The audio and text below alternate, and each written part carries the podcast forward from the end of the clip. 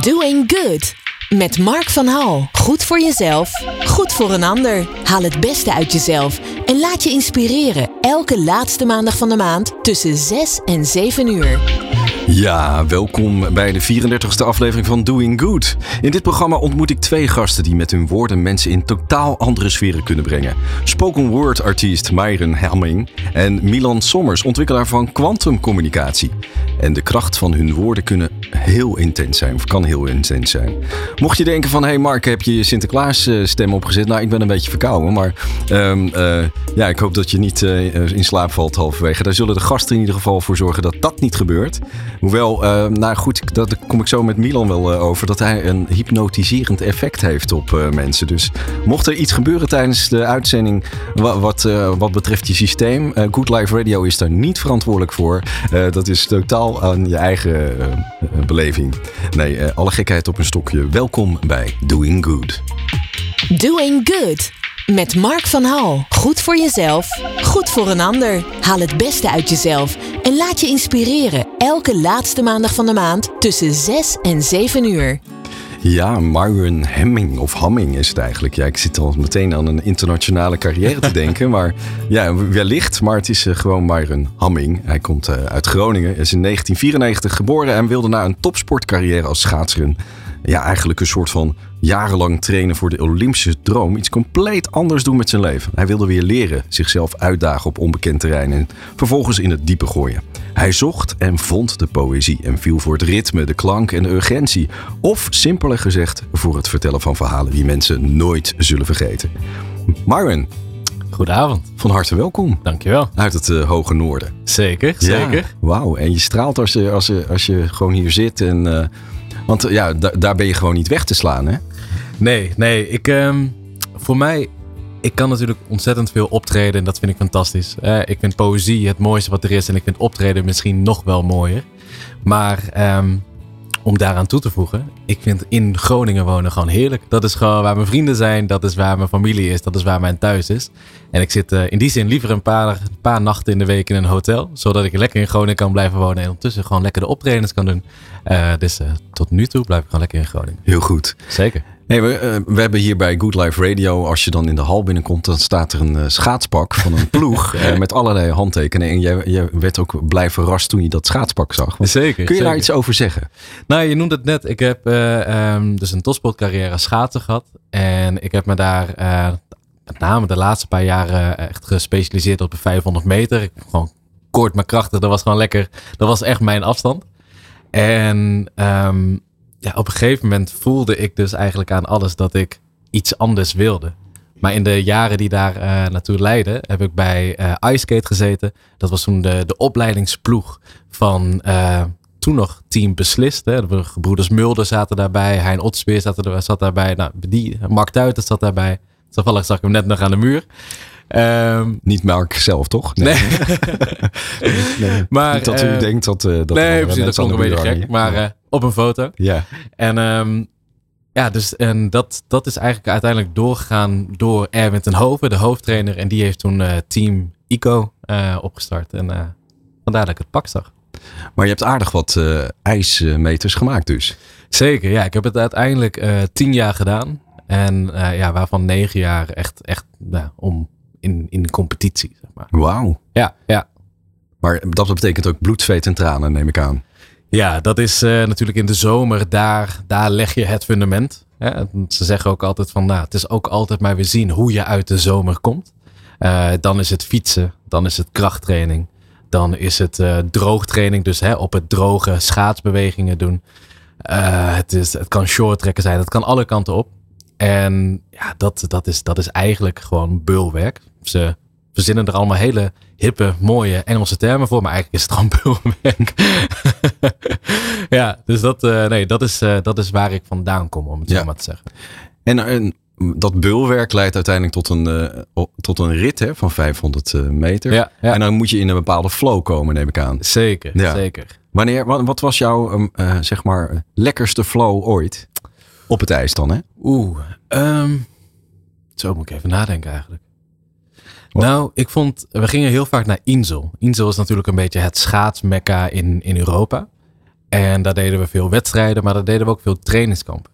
En toen ik daar voor het eerst een 500 meter reed, dat was. Nou, die baan staat een beetje bekend dat het best wel een krappe bocht is. Je zou zeggen, hè, iedere baan is precies hetzelfde, maar een paar centimeter kan op een snelheid van hè, richting de 60 in het uur kan al best wel wat doen. vooral in die hoeken waarin je zit, dat, dat doet iets met je lichaam.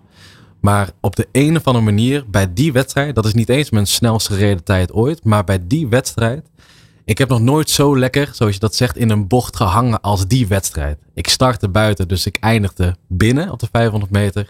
En ik kwam in die bocht en mijn lichaam bleef stil terwijl mijn benen het werk deden. Dat is eigenlijk wat je wil. Je wil zo, ja, je wil zo strak mogelijk door die bocht. En dat is, als ik het ultieme schaatsgevoel dat ik ooit hè, heb mogen ervaren zou kunnen benoemen, dan was het die bocht in Insel. De bocht in Insel. De bocht in ja, ja, precies. Ja, en, en oh, wauw. Als je het ook vertelt, dan, uh, dan schieten je ogen bijna uit je, uit je kars. Want ja. uh, je, je, je hebt ook zo'n open gezicht bij. Um, ik kan me ook voorstellen dat je dan op een gegeven moment, ja, dat, dat was in de intro ook duidelijk, dat je stopt met, uh, met dat uh, schaatsen. Ja. Was dat omdat je dat gevoel had beleefd? Dat je dacht van nou, nou wordt het nooit meer beter? Nee, nee, het was echt. Um, ik had een liefde voor schaatsen en ik had een liefde voor topsport. Zoals ik nu een liefde voor poëzie en voordragen heb. Maar ik denk dat één ding is in die zin de verbindende factor, is dat ik een liefde heb voor het beste uit mezelf willen halen. Um, en ik zeg het ook, ik, ik, zeg het ook letterlijk op, of bewust op die manier van dit gaat me er niet zozeer om dat ik de beste ben, maar dat ik echt tegen mezelf kan zeggen en aan mezelf kan laten zien. Vandaag heb ik het beste waar ik toe vandaag in staat ben gedaan. En dat, hè, dat stapje bij stapje, beetje bij beetje, dat, daar zie ik heel veel schoonheid in. Er zit heel veel schoonheid in het streven naar iets wat je maar in je kop hebt gehaald. En op een gegeven moment voelde ik dat niet zozeer meer bij het schaatsen. Maar ik voelde nog wel de drang en de drive om het beste uit mezelf te halen. Maar ik was heel benieuwd naar wat dan het volgende zou kunnen zijn waarin ik dat zou kunnen doen. En uh, nu een aantal jaren later is dat uh, blijkbaar poëzie en uh, spoken word. Oké, maar een paar jaar later, dus je, je, neemt een soort van quantum leap. Eh, ja, dat gaan we zo meteen uitleggen met uh, Milan. Maar um, uh, een paar jaar later kom je uiteindelijk tot de woorden die, die je tot je neemt? Of ben je gaan lezen? Of? Nee, nee. nee? Um, heel eerlijk gezegd stond het altijd heel erg ver bij mij vandaan. Ik ben nooit een hoogvlieger geweest op school. Um, Milan vroeg net, uh, ben jij in Groningen gebleven na studie? Nou, ik heb nooit van mijn leven nog weer gestudeerd of wat dan ook. Want dat is gewoon niet mijn ding. Dat is niet mijn manier van leren, laat me het zo zeggen.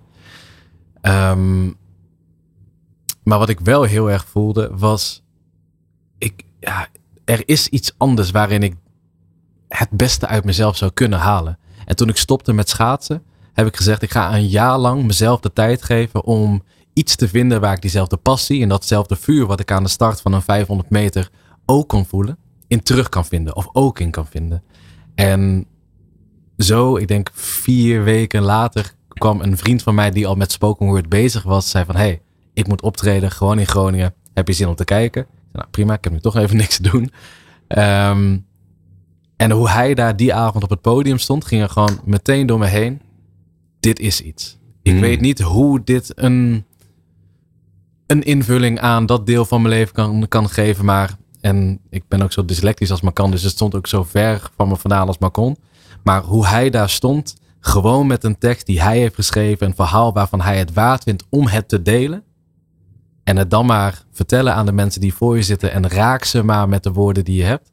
Dat vond ik zo puur als een 500 meter zo hard mogelijk rijden. Het is, het is niet meer, niet minder. Dit is het en je probeert het zo goed mogelijk te doen. Ja, maar blijkbaar de tekst die uh, toen werd overgedragen heeft en de manier waarop dat gebeurde, heeft jou ook geraakt ook die, uh, die avond. Ja, ja, en het, het is een heel persoonlijk verhaal. En dat vind ik sowieso iets heel, een heel mooi element aan spoken word in het algemeen. Dat je een persoonlijk element neemt of een persoonlijk verhaal wat in dienst kan staan voor een collectieve boodschap, om het zo maar te zeggen. Ja. Um, dus dat wat je meemaakt kan voor maatschappelijke verandering zorgen. Hè. Het kan een zaadje uh, planten. Dat, soms klinkt het ook naïef, maar ik, ik, durf daarin te geloven. Of laat me het zo zeggen, ik kies ervoor om daarin te durven, durven geloven. Mooi. Ja. Wauw. Ja, we, we hebben vanavond uh, in de uitzending geen muziek. Nee. We, we, hebben jou, uh, spoken word. Ja, ik zal het zo ritmisch mogelijk proberen. Ja, dat maakt allemaal niet uit. Maar het is, het is mooi. We hebben van tevoren niets afgesproken. Dus wat jij nu uh, voor gaat dragen, ook uh, deze opname of deze uitzending, dat heb je gewoon zelf uitgekozen. Um, ik ga zo meteen ook in gesprek met Milan. Um, Milan weet ook niet wat, wat, wat je gaat zeggen. Dus ik ben echt heel erg benieuwd Gelukkig. hoe wij in een flow kunnen komen zodat we misschien aan het eind van de uitzending het gevoel hebben dat we die krappe bocht hebben genomen. Kijk, kijk, ja. kijk, daar gaan ja, we voor. Ja. Nou, ga je gang met je eerste spoken words. Ergens in de fijnste regenval, op de zwaarste donderslagen en in het razen van de wind schrijf ik je naam. In de meeste werken die ik lees, op stukjes afgescheurd papier, op de kaft, op elke bladzij, schrijf ik je naam. Op jouw huid, jouw tint, in het donker, in het duister, in de schaduw van het felste licht, schrijf ik je naam. Op je ramen in de muren, in je straten op haar tegels, op de rafelige randen van ruw en rauw, schrijf ik je naam. In de bomen, in het blad, in de geheimen van alles dekkend wit, in het vallen van een volgend seizoen, schrijf ik je naam. Op het hout onder de lampen, in het hart van deze stad, op een avond die geen nacht wil worden, schrijf ik je naam. In een jonge ochtend, of in het hols van de nacht ergens, tussen dauw en gloed, schrijf ik je naam. Op mijn laatste dagen, in het begin van tijden, op mijn grootste de kansen, mijn vergeten blik, schrijf ik je naam. Op klaarlichte dagen, in het stampen van ontkooide beesten en dansen op het geluid van kettingen die barsten en remmen die breken, schrijf ik je naam. Op mijn scherven van toen, in het splijten van de groeven, op het glas nieuw te blazen, schrijf ik je naam. Op het spieken achter de horizon, op de hoogtes die ik beklim, in de palmen van de vijand, schrijf ik je naam. In de lucht en op haar stukjes blauw, in het donker van de maan, in het verblinden van de zon, schrijf ik je naam in mijn velden uitgestrekt, op de weide verdwaald en gevonden. In de landen, de steden die ik ken, schrijf ik je naam aan de kusten en over grenzen, op het water langs de kades, onder de zon die weer verscheen, schrijf ik je naam en door de kracht van één woord begin ik aan een nieuw leven. Want ik besta om jou te kennen, om jou te noemen, liefde.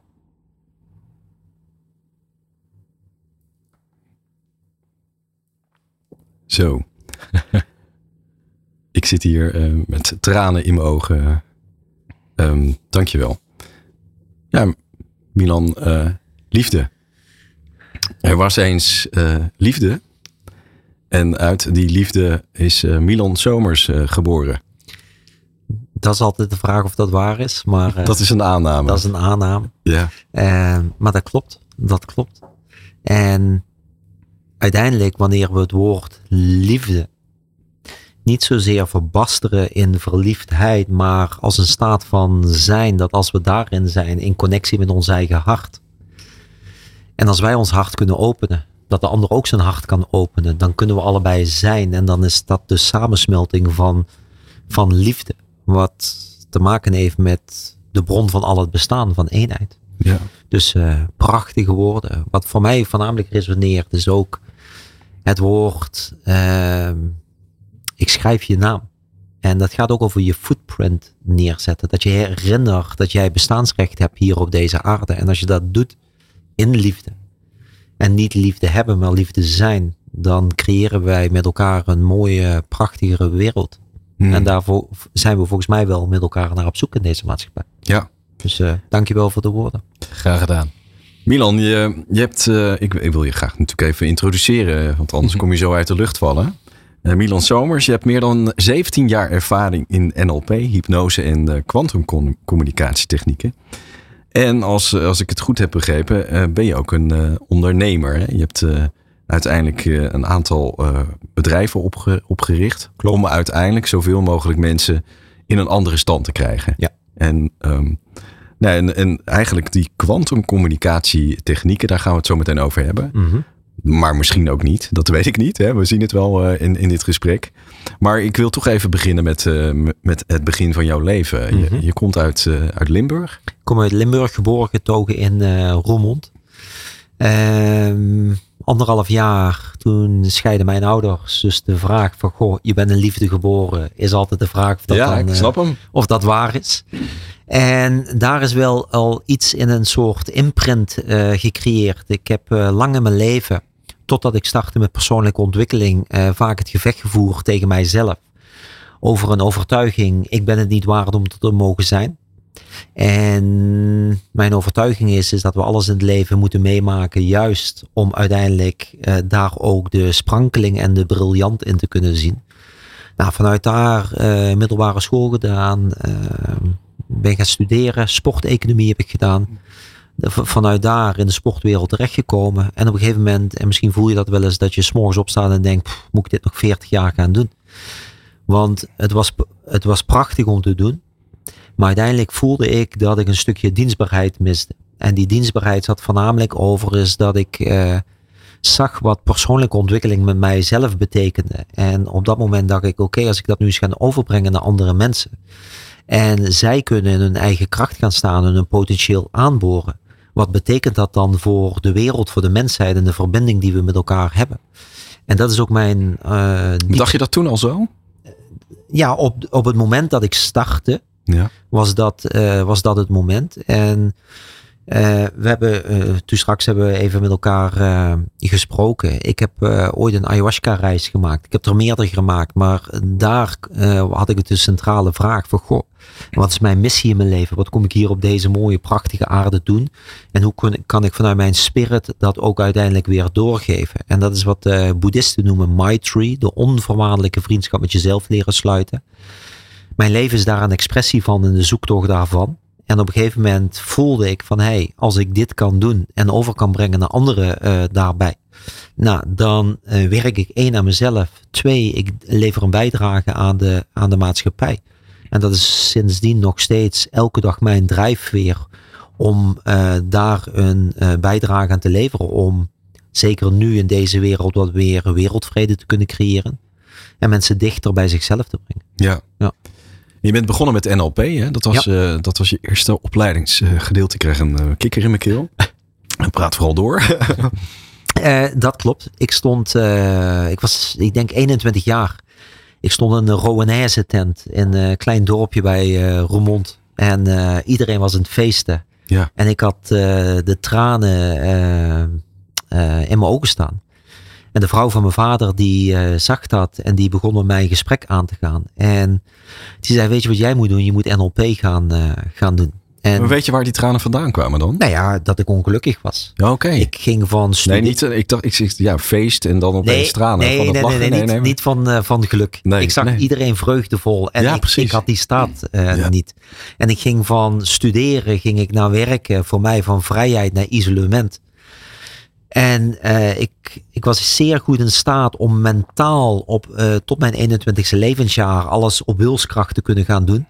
En dat was het moment dat ik gelukkig eh, brak. En toen NLP heeft me geleerd om een soort putdeksel weg te halen tussen mijn hoofd en mijn hart. Om echt te gaan zoeken, ja, maar wie is Milan Somers en waar staat hij voor? Maar mijn hele leven was ingericht op basis van wat anderen belangrijk vonden. En eh, toen leerde ik resoneren over, ja, maar wat wil, wat, wat wil ik? Hoe wil ik mijn leven inrichten? En eh, wat wil ik in mijn leven allemaal gaan, eh, gaan doen? Dus Hmm. voor mij is dat het cadeau geweest die elke vorm van verandering heeft ingebracht. Ook om naar mezelf te kijken. En te kijken hoe ons verleden, onze programmeringen, conditioneringen een rol spelen in de keuzes die we maken. En daar is mijn, mijn zoektocht steeds verder gegaan naar, noem het de heilige graal van eh, in je kracht komen te staan. Eigenlijk, eh, wat Marion net ook zei, eh, in je kracht komen te staan. Het leven ten volle nemen. het leven te volle nemen. En om dat te kunnen doen, is het wel van belang dat je ehm, op zoek gaat naar maar hoe kan ik die sleutel dan vinden? Want veel mensen weten dat ze iets anders willen, of een andere job, of een andere relatie, een sociale omgeving waar ze anders willen zijn, maar ze acteren er niet naar. En dat, dat stuk acteren of handelen, dat zit op een diepere laag in onszelf. Dat als we die laag, de connectie daarmee kunnen vinden, en de sleutel kunnen vinden, dan is mijn overtuiging ook, is dat iedereen veel meer gaat leven, niet vanuit zijn ego, maar vanuit zijn spirit, vanuit zijn ziel of vanuit zijn hart. En dan maken we andere keuzes. Nou, uh, sta je dan uh, bij een concert van Rowan Herzen. Iedereen is blij. Jij voelt je diep ongelukkig en, en je breekt. Hè? Ja. Um, het kan natuurlijk ook zijn dat je zo'n moment niet hebt. Hè? Dat je niet uh, breekt en dat je er helemaal niet in de gaten hebt dat je dan in dat stukje zit. Ja. Moet je per se problemen hebben? Dat is eigenlijk mijn vraag. Absoluut niet. Ik was wel leuk. Ik, ik doe nu meer dan 25 jaar aan persoonlijke ontwikkeling. En ik gaf een bedrijfstraining aan allemaal managers, waren allemaal mannen. En uh, ik zeg van jullie van, goh, schrijf eens de problemen op die je wilt oplossen. En ze keken me echt zo raar aan. Die zeiden, maar ik heb geen problemen in mijn, mijn leven. Dus het is ook een vorm van beroepsdeformatie. Maar wat voor mij een... Uh, kijk, ik heb een visie. De enige die zichzelf tegenhoudt in het leven ben jij. En als jij iets wilt en je acteert daar niet na in je doen, je laten, je denken en je voelen, dan blokkeer je jezelf problemen, dan denken mensen, oh dat is groot, dat is zwaar. Maar het gaat erover op welk moment hou jij jezelf tegen terwijl je diep van binnen voelt dat je echt iets wilt gaan creëren en wilt gaan neerzetten. En op dat moment, als je dat gaat aankijken, is het de enige vraag van, goh, een probleem is, het, is een niet gerealiseerd doel. En als je precies weet wat je wilt en je kunt die kracht, die liefde, whatever het is, mobiliseren in jezelf, dan ga jij luisteren naar jezelf. Dan ga je doen waarvoor je hiertoe bent. En dan ga je uh, creëren vanuit je regisseersrol. Maar de meesten zitten in een film waar ze absoluut niet in willen zitten. Dus hoe kun je en de hoofdrolspeler zijn en de regisseur zijn tegelijkertijd? Ik, ik vraag me af, als jij, eh, je vertelde je bent hier al 25 jaar mee bezig, wat behoorlijk indrukwekkend is. Wat zijn de eerste ja, blokkades of barricades, het is maar net hoe je het wil noemen, um, waar men het meest in het begin, hè, stap 1, waar, waar loopt men het meest tegenaan? Wat is, hè, ze gaan met jou een traject in, ja. Uh, wat waarschijnlijk niet uh, twee weken duurt, maar wat langer kan duren, denk ik. Uh, gezien, of hoeft dat niet per se? Nee, vroeger, vroeger geloofde ik dat, dat een traject lang moest duren. Tegenwoordig, okay. zeker als we het hebben over kwantum, kun je een shift in een instant maken. Oké, okay. nou, nog beter zelfs. Ja. Maar wat, wat zijn, ik kan er natuurlijk wel een paar een beetje aanvoelen, maar wat in jouw ervaring, waar loopt men het vaakst als eerst tegenaan? Wat is de eerste horde? Het eerste waar ze tegenaan lopen is dat ze uh, voelen dat ze iets willen. Maar dat hun uh, manier van denken, dus gewoon belemmerende gedachten, uh, emoties die hun tegenhouden, die ze onkrachten, dat ze daar het eerste contact mee hebben. Dus het meest interessante is dat ze vaak wel weten wat ze als probleem ervaren, mm -hmm. maar ze weten niet hoe één het gecreëerd wordt en twee hoe het veranderd kan worden. En op dat moment dat ze de wat ervaren in hun bewustzijn en de hoe niet weten, gaan ze op zoektocht. En dat kan zijn door het geschreven woord en dat dat die vonk aanzet bij Ja. iemand. Net zoals het bij jou dat geen heeft aangezet. Het hoeft geen therapie of coaching of training of whatever te zijn. Het is het woord, hoe dat resoneert bij iemand binnen, iemand aangaat. In de juiste energie, in de juiste flow terechtkomt om dat neer te zetten. Ehm, en dat is een heel interessant ontdekkingsgebied eh, voor een ieder op zijn eigen manier. Ja, het komt ook heel erg om over van je moet jezelf kunnen laten zien dat je in staat bent om erin te kunnen durven geloven Ja. dat het anders kan. Of dat, En dat is Dat, begint, dat is de eerste Ja. fase. Want veel mensen, als ze bijvoorbeeld een probleem ervaren, ze zeggen: Ja, maar dat probleem is zo zwaar, is zo groot. Ik heb het al zo lang. Dat kun je niet in één keer veranderen. En juist die gedachte, dat kun je niet in één keer veranderen.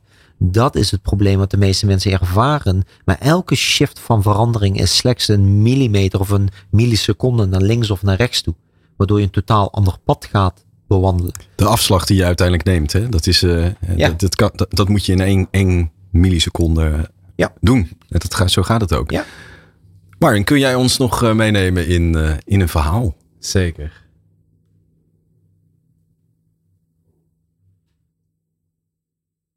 Myron, luister. Het is leuk dat je schrijft, maar doe het voor erbij. Het is leuk dat je staat op podia, maar doe het voor erbij. Het is niet dat we niet in je geloven, begrijp ons niet verkeerd.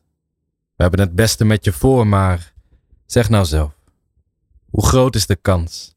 Hoe groot is de kans dat je het maakt? Dat je er een brood mee zult verdienen.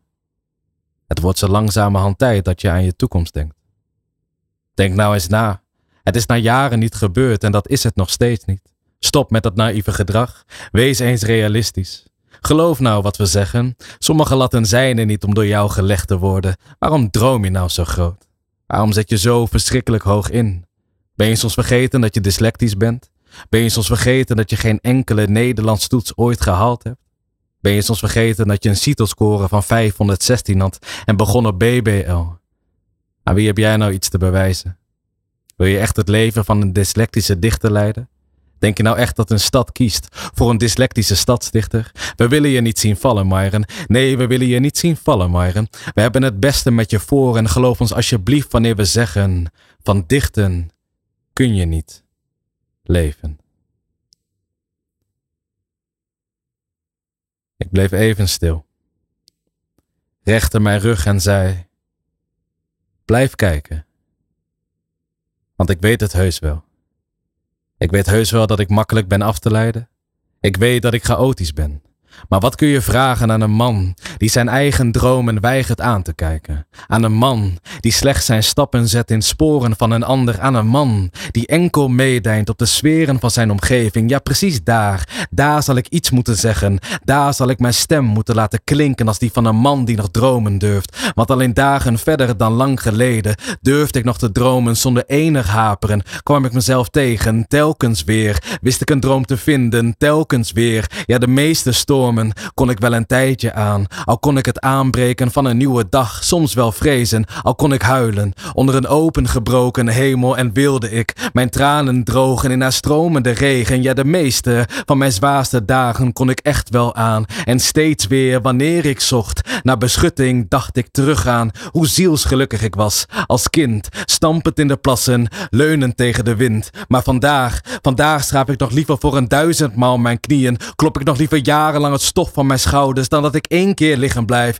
met mijn hoofd op een kussen vol met zorgen, beloofde ik mezelf dat het anders zou gaan. Alles wat ik ooit afzwoer, geen ruimte voor terugkeer zou bieden. Ik wist wat ik aan mezelf had, maar nog te weinig om blind te durven vertrouwen. Ik beloofde in een kommetje gemaakt van twee handen te bewaren wat jarenlang door mijn vingers glipte. Ik beloofde niet langer te ontkennen dat in ieder verlangen angsten schuilen. En ik wist wel dat ze daar lagen als roofdieren aan de waterkant. En ik voer al eerder langs hen. Gunde hen geen blik waardig, maar voelde die van hen branden in mijn nek. Star bleef ik staren in de verte voor mij. Dacht aan vluchten en overwoog nooit meer om te kijken. Ja, zo dacht ik. Als je dan niet weet hoe ver je kunt komen, kijk dan naar boven en zoek de verste sterren. Laat je blik verdwalen en spring zo van ster naar planeet tot zon. En vanaf ergens verdwenen in dit heelal, kijk je terug naar beneden. Over die onmetelijke afstand onder je. Ja, die hemel en al haar sterren zijn niet ons plafond dat vertelt tot hier en niet verder. Maar onze uitdaging. Of we verder durven te dromen. Of we verder durven te dromen dan wat zichtbaar is. Dus geloof, zolang je het nog niet kunt zien. Graaf, als zit het ondenkbaar diep. Want wat nog bedekt ligt, hoeft niet vergoed bedolven te zijn. Nee, waag het niet om te denken dat het niet kan. Waag het niet om jezelf te verstoppen in de schemen van wat voor je staat. Waag het niet om jezelf daar niet tegen te komen. Al is het slechts een schim van je silhouet. Waag het niet om te vergeten van hoe ver en van waar je kwam. Waag het niet in de droom die je neuriet in je slaap te vergeten hoe het klinkt. Het lied dat jouw ontelbare verhalen zingt.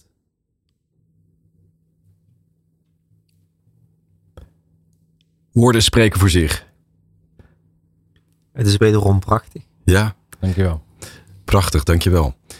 Milan, eh, dit ging eigenlijk ook over de belemmerende overtuigingen. Hè? Dus eh, dat, wat je hoofd eh, soms tegen je zegt van oké, luister je daarna of geef je de ruimte. Ja, als ik het. En dit is prachtig verwoord. Vroeger als kind had je, had je droom, had je inspiratie en alles was mogelijk. En in dat veld van alle mogelijkheden kon je keuzes maken, kon je fantaseren, kon je dat gevoel hebben en kon je daar helemaal in, in opgaan.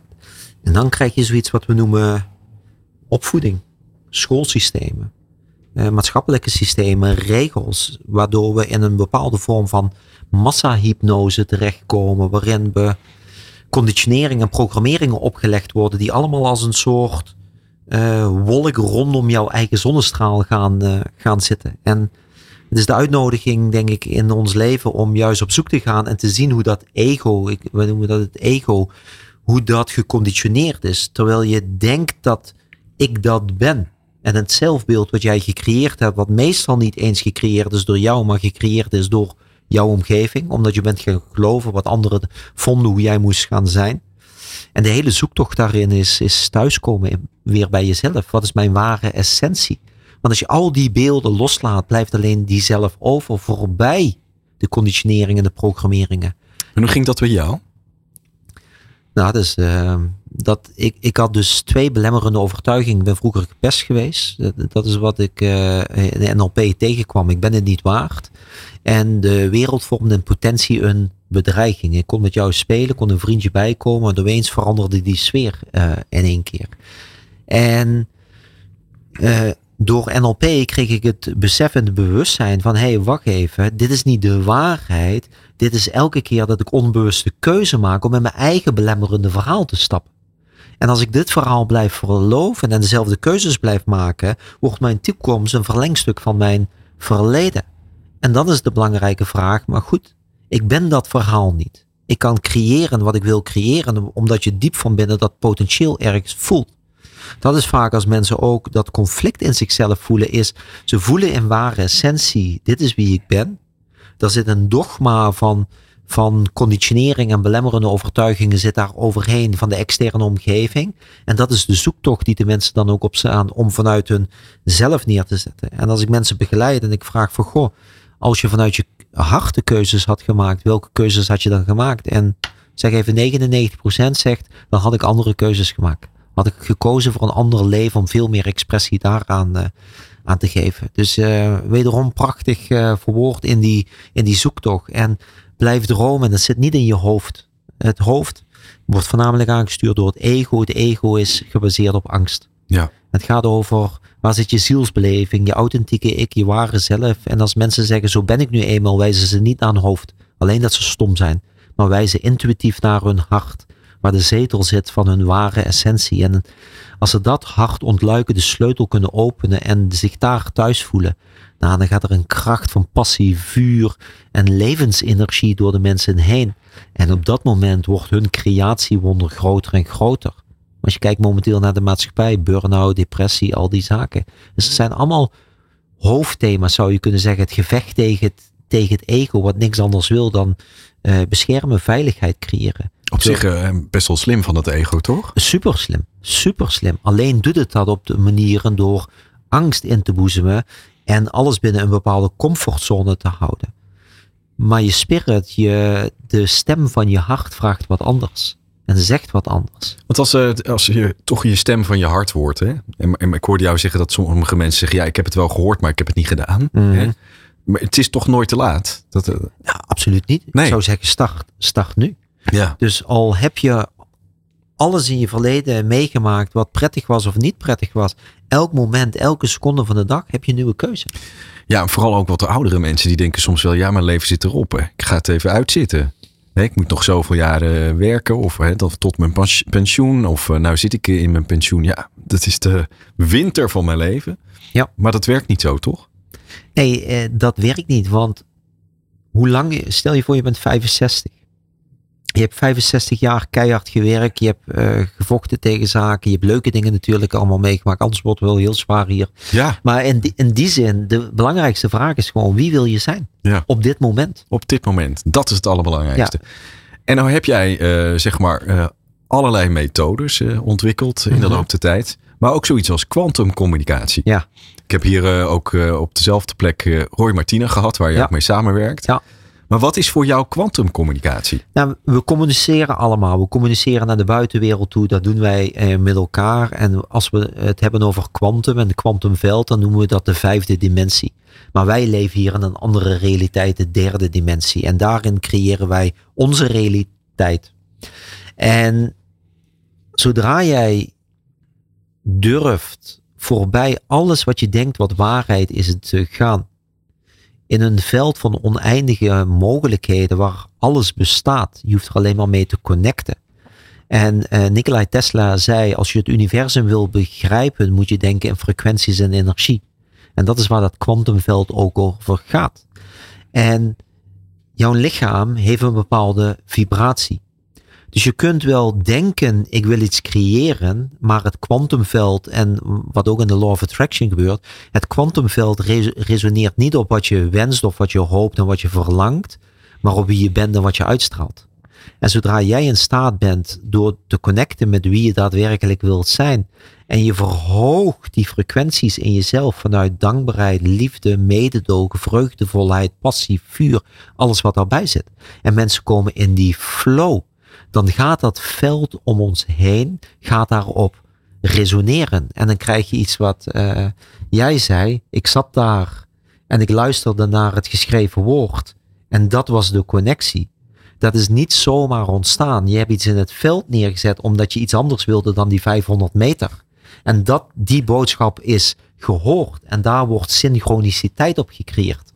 Dus wat veel mensen doen, zeggen, ah, dat is wel heel toevallig dat dat nu ontstaat. Nee, als wij dat uitzenden en we doen dat in volledige congruentie, dus zodat mijn hoofd, mijn hart en alles wat, wat ik doe daar een expressie van is, dan kan het veld niks anders dan daarop die ga je even pesten, sorry. Ja, ja het komt een beetje een soort van ja, uh, gevoeletje bij mij omhoog. Oké, maar hoe doe ik dat dan in vredesnaam? Want je hebt geen toverstafje bij je, beste Milan. Okay. Goed, we, de uitzending is een uur, dus ik trak het heel kort uh, weer, weer te geven. Het belangrijkste zijn twee dingen. Wij zenden een elektromagnetisch veld uit. Oftewel, met onze gedachten hebben we een elektrische impuls en met ons hart hebben we een magnetische puls. En dat creëert een veld om ons heen. Zodra we die twee goed met elkaar laten communiceren, wat we in uh, de wetenschap ook wel hartcoherentie noemen, waarbij het hart communiceert met het hoofd en het hoofd met het hart, zonder dat er ruis tussen zit, is het van belang dat jij heel helder voor ogen hebt wat je wilt. En de meeste mensen formuleren datgene wat ze niet willen in plaats van dat ze wel willen.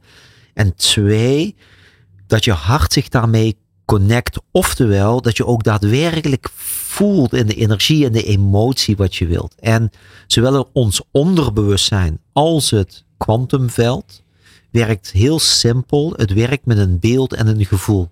Oftewel, je moet weten wat je wilt vanuit je hoofd, waarom je het wilt vanuit het hart en de hoe is niet aan jou. Maar de meeste mensen willen de hoe gaan invullen. Ja, die, die zeggen van ik wil dit en dat, maar en het moet zo ongeveer forget it. Ja, Want dan ga je op wilskracht en verkramping de dingen doen. En één ding, een wet in kwantum is, alles dient moeiteloos te gaan. En het vertrouwen te hebben dat als je echt helder contact hebt met dat beeld en die toekomst waar jij naartoe wilt gaan. En de persoon die je daar al in wilt zijn en je kunt dat reeds nu ervaren, dan ben je. Kijk, het is heel simpel. Als jij onzeker bent en je wilt naar zekerheid toe, maar je bewandelt het pad met onzekerheid, dan word je niet opeens zeker. Dus je moet die persoon van zekerheid al zijn in het nu. Dan het pad gaan bewandelen. En dan trek je uiteindelijk alles uh, aan. Dus um, toch een beetje inbeelden, voelen. Nou, ja, ik snap het toch nog niet helemaal, Milan. Maar ik heb, het zelf, uh, ik heb zelf een, een, ja, een cursus van jou uh, gevolgd. Een digitale cursus. En dan dan word je meegenomen door jouw stem en dan zit je zo in een uh, hypnotisch veld. Dan denk je ook van, hé, hey, grappig, je zit gewoon te luisteren naar een bandje. Nou, een bandje, tenminste een stukje digitale informatie. Maar ik word wel meegenomen in een bepaald veld. Dat is omdat wij uh, weten uiteindelijk door middel van de toepassing van kwantumhypnose. één, hoe we het onderbewustzijn kunnen activeren om open te staan voor nieuwe ervaringen en nieuwe realiteiten. We begrijpen hoe het kwantumveld werkt en daar maken we een connectie bij, waardoor wat ik net zei, mensen voorbij hun ego of geconditioneerde ik kunnen gaan. En daar een nieuwe waarheid kunnen gaan ervaren. Dan is het de vraag van, goh, wil je dat omarmen ja of, of nee? Dus waarschijnlijk heb jij zo'n zo'n jump gedaan. En dan is jouw gewaarzijn, denkt, hé, hey, wat gebeurt hier allemaal in mijn ja, lichaam? Dat klopt. Maar dat is omdat we niet spreken tussen naar je bewuste mind. Maar datgene waar je niet bewust van bent, waar de kracht van elke vorm van verandering, ontwikkeling en groei zit. Eh, mag ik even iets bij jou toesturen? Het is gewoon maar een verhaaltje wat opeens bij mij eh, ontstaat. Oké, we komen op aarde in een, in een lichaam. Mm nou, dat kleine wurmpje wordt wat, wat groter. Maar uh, dat, dan ontstaat er om dat kleine wurmpje een soort van duikbak. Ja. Uh, want ja, ik Vaak meer dan één. Ja, ik moet, ik moet me toch beschermen tegen al dat gedoe. En ik moet het een beetje begrijpen. Mm -hmm. Dus we hebben dat duikpak en dat helpt en dat geeft ons allerlei vaardigheden. Maar op een gegeven moment, uh, ja, dan loop je met dat duikpak. Maar dan zit je niet meer in het water, maar dan loop je op het strand. Dan heb je niks meer aan het duikpak. Is dat wat er gebeurt? Um... het, het, het, het, vereist een, een soort van adaptieve houding, toch? Maar je hebt dat duikpak heb je ontwikkeld om jezelf te beschermen natuurlijk. Want je mhm. denkt van ja, dit beschermt mij. Dus maar stel, stel je voor dat jij, ik pak even mijn jongste dochter, die is uh, nu 13 jaar Hè, oud. We gaan lekker concreet. Heerlijk. ja, fantastisch. Zij is uh, eh, 13 jaar oud en zij, als je dat ziet, denk je, nou, dat is, de, dat is een engel. Dat is de meest mooie, prachtige persoon die er bestaat. Totdat ze alleen thuis is met ons. Dan kan het een brute vorm van woede kan daar uitkomen. Als iets niet gaat zoals zij dat wilt. Dus als zij iets moet doen wat lastig is, bijvoorbeeld rekensommen maken, huiswerk maken, dan kan zij een woedeuitborsting hebben naar, naar ons toe. En dat doet ze om zichzelf te beschermen. Dat is dat duikpak wat ze aan. Dat is heel nuttig. Want toen hoeft ze even niet met die som bezig te zijn, hoeft ze dat negatieve gevoel niet te voelen. Maar het onderbewustzijn, dus waar al onze softwareprogramma's opgeslagen wordt, die denkt, hé, hey, dat is even nuttig. Want er zit een intentie achter, achter dat duikpak. Dus de volgende keren, ook in andere situaties, is ze boos, is ze uit zijn woede. Niet alleen maar naar ons, het gaat ook naar buiten toe. Nu stel je voor dat ze dadelijk 30 jaar is. En uh, de baas vraagt door, hey uh, Kiki, kun jij eens uh, in die Excel sheet wat aanpassingen maken? En ze ziet die sheet, ze ziet die formules. Haar brein denkt, oh my god, dat waren vroeger die wiskundesommen. Hoe heb ik toen gereageerd? Boem, woede komt omhoog. Ze is uh, boos op de baas. Ze is boos op uh, de collega's. S'avonds is ze boos op de partner. En de wacht dan vaak, wat is er met jou? Ja, laat me, ik zit in zo'n moed. De reactie wordt nog steeds gegeven zoals vroeger, maar hij is niet meer nuttig. Nee. Dus het is bevroren in de tijd, waar het vroeger dienstbaar was om datgene te creëren. Rust, vrijheid, harmonie, wat het is. Maar nu niet meer. En op dat moment ga je merken, hé hey, wacht even, dit duikpak belemmert me meer dan dat het me beschermt. En dan is de vraag, durf je dat duikpak uit te doen? In een vorm van ontwikkeling en kwetsbaarheid te gaan. In, om vanuit jouw naaktheid op zoek te gaan naar de essentie of wie je bent zonder dat duikpak. Ja, en nou heb je een aantal methodes die zijn redelijk uh, eenvoudig te volgen. Het is niet, niet echt super ingewikkeld om te doen. Nee, zeker niet als jij uh, bijvoorbeeld uh, een pakket pakt waar je luistert naar, mijn stem. Waar ik je begeleid met een aantal wat wij noemen quantum timeline jumps. Is niks anders dan een nieuwe creatie van de versie van jezelf creëren. Die ook staat daarmee te connecten en vanuit daar te gaan, te gaan leven. En dit is jammer dit zouden ze op de basisschool moeten doen. Op de middelbare school. Maar mensen en kinderen leren dit niet. En zodra ze leren hoe simpel het eigenlijk is om een verandering te kunnen inzetten en een soort communicatie te voeren met hun eigen innerlijke belevingswereld, als ze die sleutels te pakken hebben, kunnen ze neerzetten wat ze willen gaan neerzetten. Want jij zegt, we hebben, eigenlijk voelt het ook een beetje alsof we robots zijn. Hè? We zenden dus blijkbaar energie uit uh, vanuit je hoofd en vanuit je hart. En dat resoneert met de mensen om je heen. Dus we zijn lopende wifi's. Dat zou je kunnen zeggen, ja. En dan is het uh, afhankelijk van op welke frequentie tune je in. En als dat de lagere frequenties zijn, dan ben je in plaats van het leven, ben je het overleven. Dan zit je in plaats van liefde, zit je in angst. En in plaats van dat dingen je energie geven, vreten ze energie. Hm. En als je in angst, overleven en energievreten zit, dan wordt het echt tijd om een verandering uh, in te gaan zetten. Ja, en jij gebruikt daar ook uh, hypnose bij. Hè? Ja. Dat, dat, is dus ook. Uh, kun je daar iets over zeggen over hypnose en, en wat voor rol dat dan speelt in jouw leven sowieso? Nou, wat wij met hypnose doen, is even direct het, het negatieve beeld uit weghalen. Dat je denkt aan showhypnose, hè, dat hypnotiseur alles met je kunt doen. Maar het enige wat we met hypnose doen, is je in trance brengen. Dus we veranderen je hersenfrequenties, waardoor je meer naar de alfa, naar de theta-staat gaat. Betekent dat de dieper lagere softwareprogramma's en de dieper liggende intelligentie in jezelf, ik noem dat altijd het morele wezen, het onderbewustzijn, in staat is om echt te luisteren, om een verandering te kunnen gaan inzetten. En in dat onderbewustzijn kunnen we aansturen om stukken in het ego te veranderen, dus onze conditioneringen en onze programmeringen. Het onderbewustzijn kunnen we inzetten om uiteindelijk ervoor te zorgen dat we onze zielsbeleving, ons hart meer activeren om te denken, ja maar hoe wil ik nu een leven creëren vanuit gelukkig zijn, vanuit zingeving. En we gebruiken het voornamelijk om een soort avontuur aan te gaan richting het kwantumveld met andere parallele tijdslijnen, met lichtwezens, met andere dimensies. En nou ja, dat is ook wat mensen bij psychedelica eh, ervaren, dat er andere realiteiten bestaan. Wij doen dat dan bijvoorbeeld met kwantumhypnose. Maar hypnose is de heilige graal om uiteindelijk elke vorm van verandering in te kunnen zetten. Want uh, sommige mensen zeggen ook dat we gehypnotiseerd zijn. Hè? Je noemt Volledig. Het zo. We worden de hele dag uh, door, sorry, door allerlei informatie. Die kikker blijft maar gaan. ik weet niet hoor wat hij vanavond heeft. Die zegt waarschijnlijk dat ik iets minder moet praten. Maar, de, maar de, dus de informatie die we krijgen, dat conditioneert ons natuurlijk. En we gaan van allerlei dingen geloven. Of ze wel of niet waar zijn, dat weten we dan helemaal mm -hmm. niet. Dus we worden al gehypnotiseerd. Dat is ook wat je zegt. Ja, en die hypnose die begint. Uh, kijk, er zijn de drie belangrijkste ervaringen van de mens. Zijn de conceptie, de zwangerschap en de geboorte. Dat is al een derde van de blauwdruk hoe je uiteindelijk door het leven gaat. Dus uh, als de kwaliteit van die ervaringen goed is, ga je op een andere manier, ben je nog steeds geconditioneerd, maar ga je op een andere manier daardoor heen. En er zijn een aantal fases in jouw ontwikkeling als mens, waar je continu tegen die barrières van de conditioneringen aanloopt. Eén is bijvoorbeeld de puberteit. Dat je merkt van hé, hey, maar dit is niet de manier waarop ik het wil gaan doen. En je gaat op onderzoek uit om je eigen ik uh, te ontwikkelen. En zodra je even geboren wordt in die drie primaire ervaringen, dan kun je niet anders dan alleen maar gehypnotiseerd worden. Want je hebt een model nodig om de wereld te begrijpen en je door de wereld heen te bewegen. Uh, je gebruikt dat model net zo lang totdat je merkt dat dat duikpak niet meer werkt. Hmm. En dan is het voornamelijk, en dat is wat Milton Erickson zei, de, ik noem hem de godvader van de moderne hypnotherapie. Als mensen problemen ervaren, je moet ze niet in trance brengen. Je moet ze leren uit trance te halen. Maar ze de illusie hebben dat ze een probleem ervaren. Ik weet nou waarom die kikker steeds omhoog komt. Nou, nou kijk, als een kikker hoort ook uh, in het water te zitten. Hè, of, of onder. Uh, maar zodra die boven komt, dat is wat dat betreft mijn hoofd, gaat hij kwaken. Mhm. Mm -hmm. En dan uh, kwaakt hij zich een hele dag uh, los. Maar het, eigenlijk zeg je, je moet in dat onderbewustzijn uh, gaan zwemmen. Zeker. Ja. En dat betekent gewoon niet de hele dag op je telefoon zitten, op de Netflix, op de prikkels die van buiten zijn.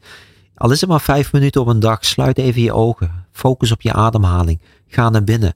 En vraag jezelf de vraag, wat is belangrijk voor mij nu? En nu gaan we luisteren naar een opnieuw de spoken words van Myron. Als er iets op je schouders drukt, een verhaal te lang ligt te smeulen op je tong. Als je nog zoveel vertellen wilt, maar de woorden van je wegdrijven als een droom die overdag steeds verder bij je vandaan glijdt. Als je probeert de dagen ergens aan op te hangen, maar alles wat je ziet uit waanzin aan elkaar hangt. Als je misschien dezelfde honger draagt, maar de krampen verbergt door overeind te blijven. Als je geen einde kent en geen begin, enkel dit onstuimig midden. Als het kloppen van je hart voelt als een op hol geslagen beest in je borstgat. Als je het donker steeds vaker schuwt, omdat je het licht al een tijdje niet meer vinden kunt. Als je dreigt te vergeten hoe je om hulp vraagt. Als je voortdurend hunkert naar houvast, maar het leven je alsmaar door de vingers glipt. Als je malen kunt, maar geen woord vinden kan. Als je uitgeput bent, maar geen nacht lang slaapt. Als je weet dat het zo niet langer kan. En je daarom niet stoppen kunt. Als je je omringt met mensen en mening, er enkel nog ruis te horen valt. Als je snakt naar adem, maar soms lucht tekort komt. Als zelfs je opgekropte tranen niet langer genoeg zijn om je verdriet nog te stillen. Als je kopje ondergaat in hetgeen waar je nog zoveel wilde waken. Je de wereld dragen wilt omdat je niemand hebt om op te steunen. Als het soms lijkt alsof angst altijd wel een kiertje te vinden weet. Als je geliefde, als je geliefde bij je wegduwt omdat je ze altijd bij je wilt houden. Als je het echt wel goed bedoelt, maar constant fouten maakt. Als je zo tergend streng voor jezelf bent iedere stap voorwaarts in de kramp lijkt te schieten. Als je wel richting voelt, maar het pad niet vinden kunt. Als je te veel gezichten verdwijnen zag, waar je nog zo vaak voor thuis kwam. Als je bang bent om breekbaar te zijn, omdat je de laatste tijd steeds vaker bij jezelf vandaan buigt. Als je vergeet wie je bent. Als je je verloren voelt, omdat je jezelf overal in vinden wilt. Hoop ondertussen voelt als een droom die overdag steeds verder bij je vandaan glijdt. Als je geen woord vinden kan, maar alles voelt. Omdat je je onvertelde verhalen voelt smeulen op je tong. Als je wrakstukken uit het verleden niet langer wilt toestaan om toekomstige wegen te versperren. Als dit verhaal je overal naartoe trekt, maar dicht bij jezelf blijven. Alles is wat je wilt. En als men wel knikt, maar je niet begrijpt. Als dit uitzicht met de dag eindelozer wordt.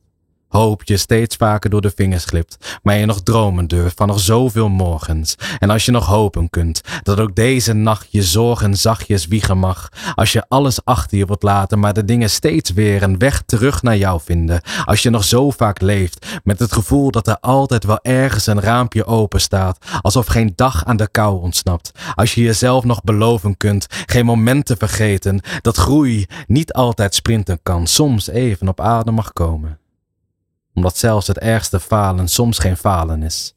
Dat misstappen ook aanlopen kunnen zijn voor sprongen in het diepe. Dat de dagen die je liever vergeet ook voorbodes kunnen zijn van nieuw leven. Als je alleen maar hoopt dat iemand tegen je zegt: Rust hier maar als je moet. Ook dit zullen we doorstaan. Ja, soms hebben we niet door hoe lang we al in het rood leven. Dat er iets afbrokkelt, terwijl we zo ons best doen om te bouwen aan al onze morgens. Ja, dit is voor als je durft stil te staan. Dus hoor mij als ik zeg: dit is om te blijven herinneren, om je vleugels uit te slaan in dezelfde wind die het soms zo woest stormen laat. Ja, deze woorden zijn om te blijven onthouden dat we nog altijd bestaan, uit alles waarin we nog durven te geloven en uit alles wat zelfs door de zwaarste stormen heen bij ons bleef.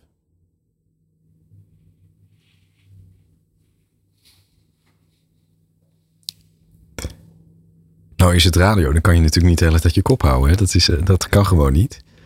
Ehm, en wat ik bij deze woorden steeds voel, als ik er uh, zeg maar nog meer woorden aangeef, dan verliest de kracht van jouw kunst. Dus, het mag wel hoor. ja. Dus um, er, zit, er zit hoop in. Er zit, uh, tuurlijk, er zit ook even dat, uh, dat dieptegevoel in, maar er zit ook ja. vooral hoop in.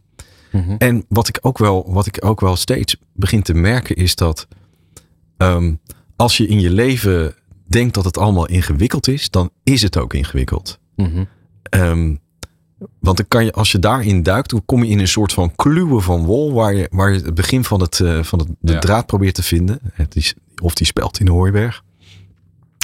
Maar het is toch niet ingewikkeld, Milan? Het is toch niet, het is toch niet zo moeilijk? Dat is toch wat jij ook zegt de hele tijd in jouw, uh, al jouw trainingen. Het is niet moeilijk, maar je moet het wel kunnen zien. Hmm. Dus een ja, overtuiging. Of ja, het, je ziet het pas als je door hebt ja, of andersom. Het was een hele, hele wijze man. Ja. Maar een overtuiging is maar een overtuiging als je het gaat zien als een overtuiging, want anders is het je waarheid. Je kunt het ego pas zien als je het gaat zien als het ego, anders ben jij het. Dus stap 1 daarin is eruit stappen om het te kunnen aanschouwen met dat bewustzijn. En als je eruit stapt, is de relatie al direct anders. Maar mensen geloven in hun eigen verhaal, geloven in hun eigen waarheid. En als dat een negatieve cirkel is, komen ze in een visieuze cirkel terecht, waardoor ze zichzelf kleiner en kleiner en hun vibraties laag houden. En vibraties laag houden bedoel ik niks anders met uh, leven vanuit de emoties die niet dienend zijn voor datgene wat jij uh, in de wereld neer wil gaan zetten. En ik denk dat dat een beetje wat uh, mooi terugkomt in de woorden is ergens diep van binnen voelt een ieder dat hij speciaal is, dat hij uniek is, is dat hij een lichtwezen heeft, dat hij hier op deze aarde iets neer te zetten is, maar zit soms gevangen. En wanneer mensen die hoop opgeven, dan gaat vuurtje helemaal uit. Maar zolang het vuurtje aan is en dat vuurtje in het hart kan gaan sputteren en uiteindelijk gevoed wordt met de juiste zaken, dan kan die explosie van vuur neergezet worden en dan krijg je hartstocht. En dan krijg je waar het uiteindelijk over gaat. En dat is niet zo moeilijk, maar je moet het wel gaan zien. Ja. Je hebt ook een knalrode trui aan trouwens. Zo grappig dat je, de, dat, dat, je dat met dat gezicht erbij, dat, dat, dat is één grote eenheid. Oké. Ja, maar oké. Okay. Milan, wat gaan we doen? Wat, wat is jouw missie vanaf nu? mijn missie die, die is er altijd al. Wat ik zei, wat de boeddhisten noemen Maitri. Is de onvoorwaardelijke vriendschap met jezelf sluiten. En um, ik, ben, ik ben wat meer naar de, van de uh, pragmatische uh, noemen disciplines naar de wat meer spirituele, mystieke kanten uh, gegaan. Er zijn een aantal dingen die we doen. Wij, wij voelen met, ook met Roy Martina, met Stacey Seedorf, hier van der Mos, voelen we echt dat we iets uh, willen doen voor de wereld. En uh, we noemen dat de Sparkle of uh, Life. Wat kun je doen om die sprankeling in de ogen bij de mensen weer aan te zetten? En als die sprankeling aan is, zodat zij volledig geconnect zijn met het leven en die levensenergie er doorheen gaat. En hun ook daarop attenderen van, goh, het leven is geen generale repetitie. Zorg ervoor dat je daadwerkelijk leeft in plaats van Dus dat is, dat is één een soort beweging en een community die we, die we willen hebben, die, waar we mensen het gevoel hebben van, goh, we moeten echt met de wereld aan de andere kant uh, toe. Als ik naar de wereld kijk, als ik kijk naar het financiële systeem, als ik kijk naar de discrepantie, de afgescheidenheid, dan denk ik, nou, we hebben echt nog wel wat te doen in deze, deze wereld. Dus dat is één. En het tweede waar ik veel mee bezig ben, is dus met quantum en quantum hypnose. Dat van alles wat ik de afgelopen jaren geleerd heb, ik gebruik, maar dat je met kwantum daadwerkelijk een soort brandstof hebt van een raket, dat wat veel sneller gaat, omdat je niet vanuit verkramping bezig bent, maar vanuit een soort van bevrijding en nieuwsgierigheid. En ga leven in een, uh, zoek die sprankel op, zou ik zeggen. Ja. ja. Nou, dan hebben we onze spoken word artiest. Uh, heb jij daar nog woorden voor? Nou, wat eigenlijk constant een beetje in me naar boven komt in jouw verhaal, Milan, is het kan zo mooi zijn als je het lelijke ook durft te zien, zeg maar. Dat, hè, dus het is, het is niet het ontkennen van de minder mooie dingen of het ontkennen van alles wat maar niet wil lukken. Maar er oké mee zijn dat dat, ja, het is een soort van dijnen. Ik zie, hè, je, het komt je komt op zoveel plekken en je komt op, in zoveel verschillende situaties terecht. Maar het is constant hoe je jezelf ermee verhoudt of tot ja. verhoudt. Ja.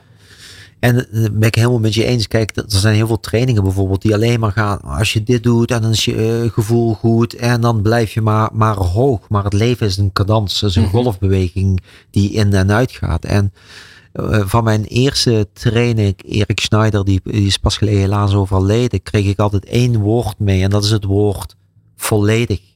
En dat is en de leegte die aanwezig is en het volle wat aanwezig is, wat de balans mhm. creëert om volledig te kunnen zijn. Dus zodra je alleen maar een leegte bent of je zit alleen maar aan de volle kant, dan snap je de dynamiek niet helemaal. Het gaat over die balancering erin. En wat mensen mogen meenemen is het gaat niet over de angst, het gaat over de toenadering om richting die angst te gaan in liefde. Want angst is het ontbreken van liefde. En zodra mensen dat gaan begrijpen, dan kan die angst ook meegenomen worden. En dat is hetzelfde voor mij, is dat heel veel mensen vechten tegen het ego. Van dit wil ik niet.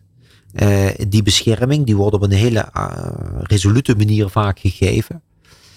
En Ga in communicatie met jezelf. Ga in communicatie met het ego, zodat het dienstbaar kan worden. Mhm. Zodat jullie gaan samenwerken. Alles gaat over samenwerken.